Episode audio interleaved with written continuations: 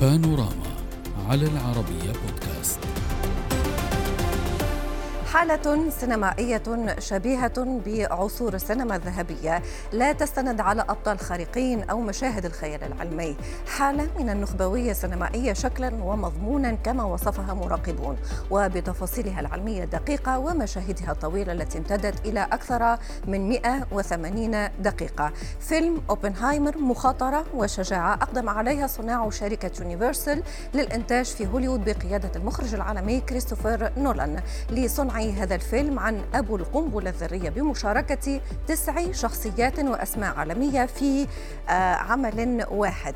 الفيلم منذ عرضه قبل أسبوع وهو حديث صناع السينما والنقاد والجمهور إجماع على تميزه وإتقان تنفيذه وهو ما عززته أرقام الإيرادات متجاوزة ال 209 مليون دولار عالميا في ستة أيام فقط.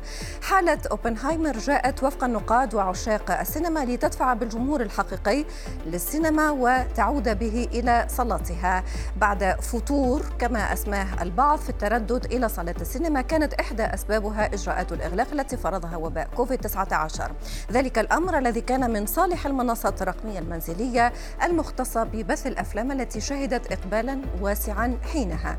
واليوم النجاح الذي حققه فيلم أوبنهايمر دفع ببعض الطمأنينة أيضا في قلوب أصحاب صالات السينما الذي يراقبون بقلق تواطؤ بعض شركات الإنتاج مع شركات العروض المنزلية لبث الأفلام الجديدة مباشرة إلى المنازل عوض تمريرها في صالات السينما.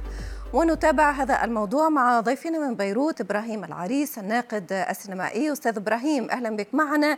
أستاذ إبراهيم في الواقع حاله من التفاؤل آه، لما نقرأ آه، بعض النقاد وكتاباتهم عن أوبنهايمر حضرتك هل تتفق معهم على أن أوبنهايمر أعاد السينما الجادة وأعاد المشاهد خاصة إلى قاعة السينما من جديد. وربما سيعيد أيضا السينما الجادة نفسها إلى ذهن المخرجين وصناع السينما. م. يعني هذا درس لأنه كل فترة بيطلع فيلم بيعطينا درس جديد بأنه السينما بتموت إذا نحن ما عرفنا كيف نتعامل معها.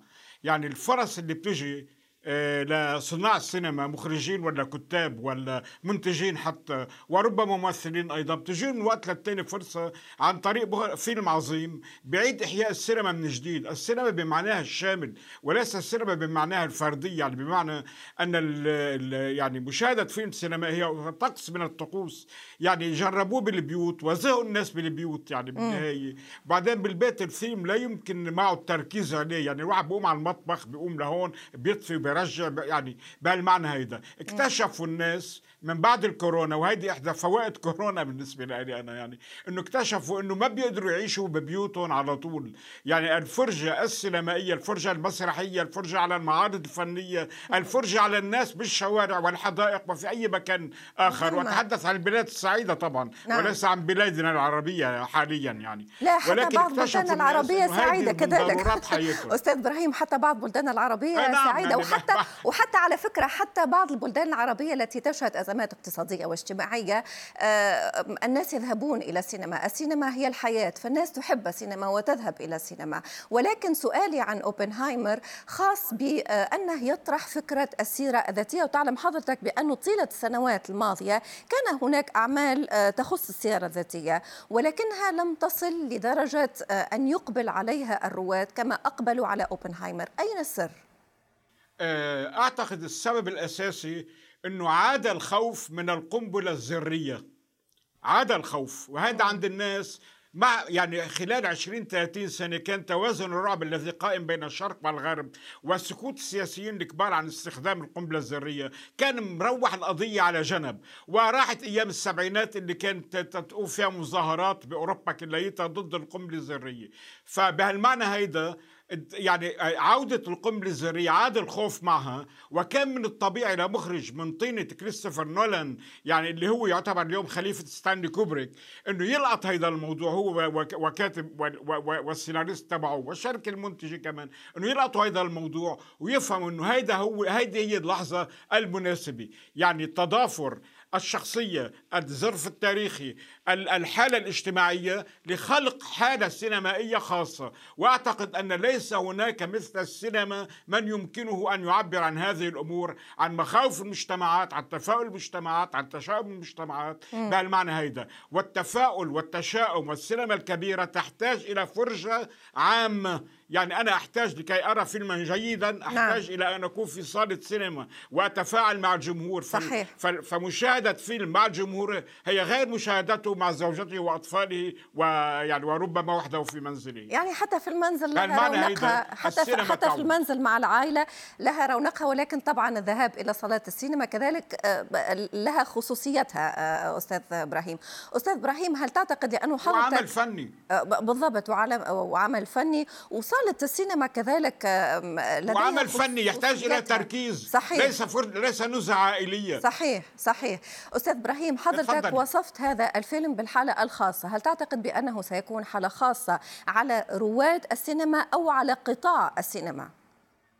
بالنهاية بالنسبة لي لما بقول على فيلم إنه حالة خاصة بالنسبة لي يعني هو فن حقيقي لأنه كل فن حقيقي حالة خاصة ولكن تشاهد وتستقبل من العام على يعني الشعب الذكي الناس اللي بيحبوا الفن اللي بيعرفوا يعني بيحبوا يعرفوا مين هو أوبنهايمر وكيف عاش متألما وكيف عاش في ألمه وكيف اجتاز صحراءه عندما اكتشف أن السلطات السياسية استخدمت السلاح الذي اخترعه من أجل البشر البشرية استخدمته لكي تقتل هذه البشرية. هذا هو موضوع الفيلم. موضوع الفيلم عن عن عن معجزة التفكير. معجزة لما الإنسان بصير ما بقعدش حيوان يحقق ما ما ما يريده الآخرون بل يفكر فيما يحققه طيب ولكن أستاذ أستاذ إبراهيم طالما حضرتك طيب طالما حضرتك ربطت السينما بالسياسة آه، حضرتك تعتقد بأن الأمريكيين اليوم خلال هذا الفيلم قدموا أوبنهايمر بطريقة دقيقة؟ لأنه حضرتك تعلم آه، هو كان آه، أو قدم لهم آه، الطريقة التي أنهوا بها الحرب العالمية الثانية ولكن فيما بعد تم تخوينه وقيل بأنه اقترب من الروس إلى أن عادوا فيما بعد وأعادوا له هيبته. هل تعتقد بأنه هذا الفيلم قدمه بطريقة دقيقة أو بطريقة تميل إلى الترويج للولايات المتحدة الأمريكية كما اعتدنا أن يفعلوا في أغلب أعمالهم على الأقل؟ لا يعني قدموا بشكل دقيق ثم إنه مش أوبنهايمر اللي أخذ قرار بإنهاء الحرب العالمية الثانية عن عن طريق قتل 200 ألف إنسان لا لا ما قلتش هو اللي أخذ القرار. لأنه قلت, لما قلت استخدموها الأمريكيين. ترومان اللي أخذ القرار. والفيلم يرينا يرينا كيف أن الرئيس ترومان هو الذي أخذ القرار. الرئيس ترومان هو الذي أخذ القرار. وليس ثم أخذ القرار تاريخيا بعد أن انتهت الحرب العالمية الثانية. كانت قد انتهت ولم يعد بالإمكان أن تستكمل. كان يريد السلطة الأمريكية كانت تريد أن تجرب هذه القنبلة وأن ترعب العالم. نعم. وهذا هو جوهر ما يقوله نولان بالفيلم عن طريق ال remorse عن طريق الندم اللي عاشه وعن طريق الرعب اللي عاشه أول ضحية للقنبلة الذرية اللي هو كان آه، اوبنهايمر يعني هذا الموضوع الذي عاد إليه نولان بالفيلم وكان قد سبقه إلى ذلك لكنه لم يستكمل آه، مشروعه لأنه مات الكاتب أرثر ميلر الذي نعم. التقى بأوبنهايمر كثيرا قبل وفاته طيب. وكان يريد أن يكتب عنه مسرحية صحيح. تشبه كثيرا ما قاله نولان في هذا الفيلم نعم نعم يعني بهالمعنى هيدا الفيلم يبرئ مم. يبرئ أوبنهايمر نعم. ويدين ويعني تذكري المشهد بين ترومان وبين أوبنهايمر واحد متعجرف يريد أن يدمر يدمر وأن يقتل وهذا هو السلطة والثاني يود أن يقدم علما للبشرية. والآخر والآخر تماما توقيت البرنامج أستاذ إبراهيم. أعذرني على المقاطعة إبراهيم العريس الناقد السينمائي. كنت معنا من بيروت. شكرا جزيلا على المشاركة. السلام عليكم.